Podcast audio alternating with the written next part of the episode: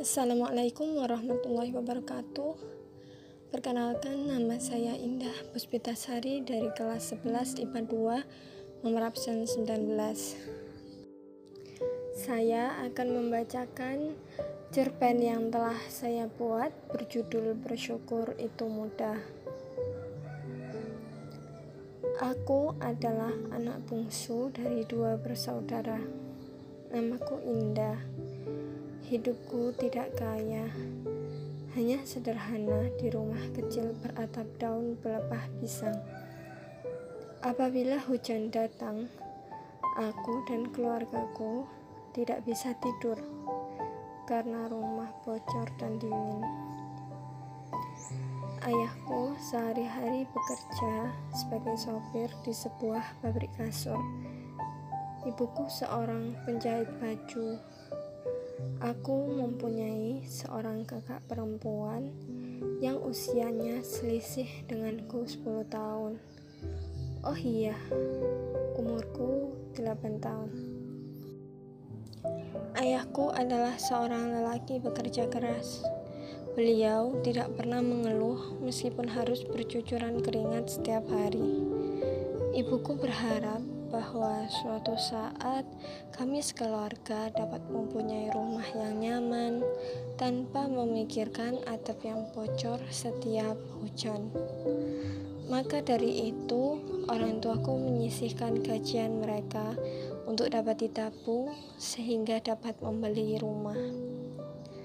Hmm, tak hanya ingin rumah, Orang tuaku juga ingin supaya putri-putrinya dapat bersekolah tinggi, agar tidak seperti mereka berdua. Ayahku bahkan pernah berkata, "Kalian harus sekolah dan kuliah, gak perlu mikirin uangnya. Itu kewajiban ayah dan ibumu. Ingat ya, Nak." Kalian berdua semakin modern zaman, semakin sulit untuk mencari pekerjaan.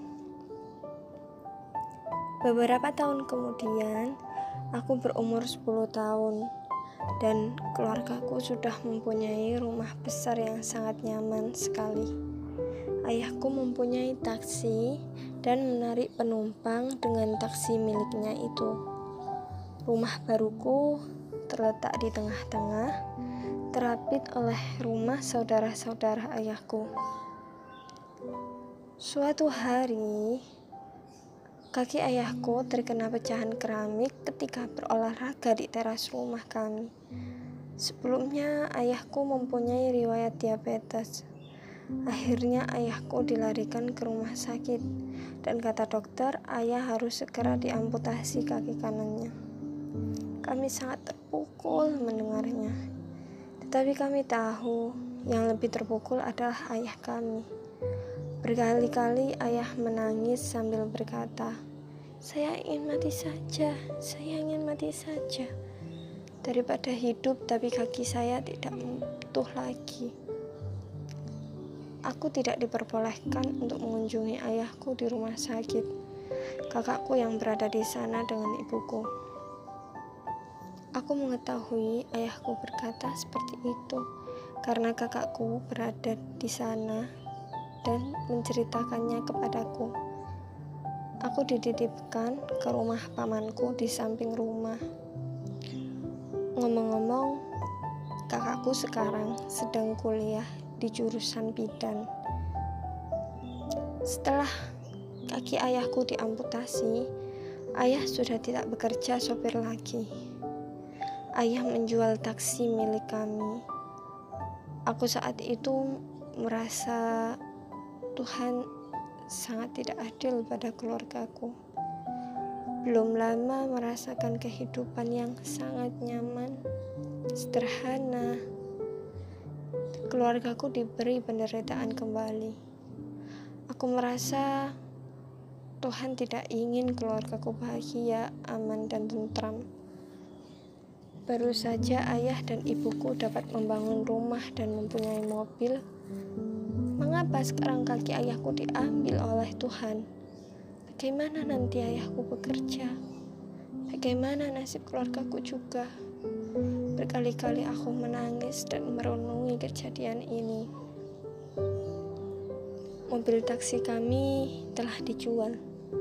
Ayah merencanakan untuk membangun kos-kosan supaya keluarga kami tetap mendapatkan penghasilan.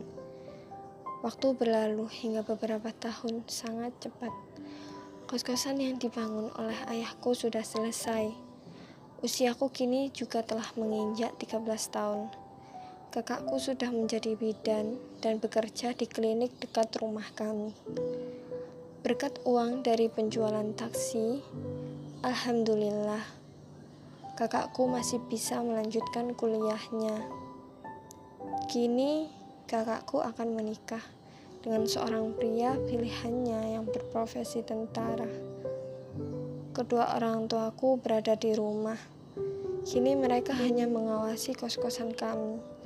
Aku bersyukur sekali. Kos-kosan kami penuh dan berjumlah 15 kamar. Kehidupanku memang aneh. Kadang ada di atas dan juga ada di bawah.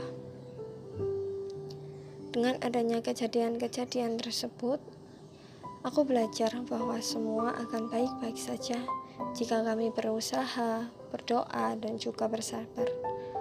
Setiap cobaan yang diberikan oleh Tuhan, aku yakin sangat yakin bahwa pasti ada hidayah yang dapat kupetik.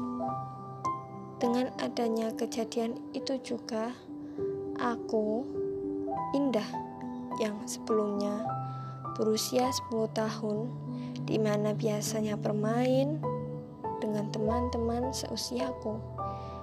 Tapi aku, yang justru sebaliknya, terbiasa sendiri di rumah, masak sendiri, membersihkan rumah, membuatku terbiasa hidup mandiri di usia yang sangat dini. Beragam pelajaran yang dapat kupetik dari kejadian tersebut. Kini, aku tidak lagi berpikir bahwa Tuhan tidak adil. Bahkan aku sangat bersyukur karena ternyata banyak sekali yang aku punya di dunia ini keluarga yang selalu di sampingku, keluargaku yang utuh, punya teman-teman yang menemaniku, dan juga tubuhku yang sehat.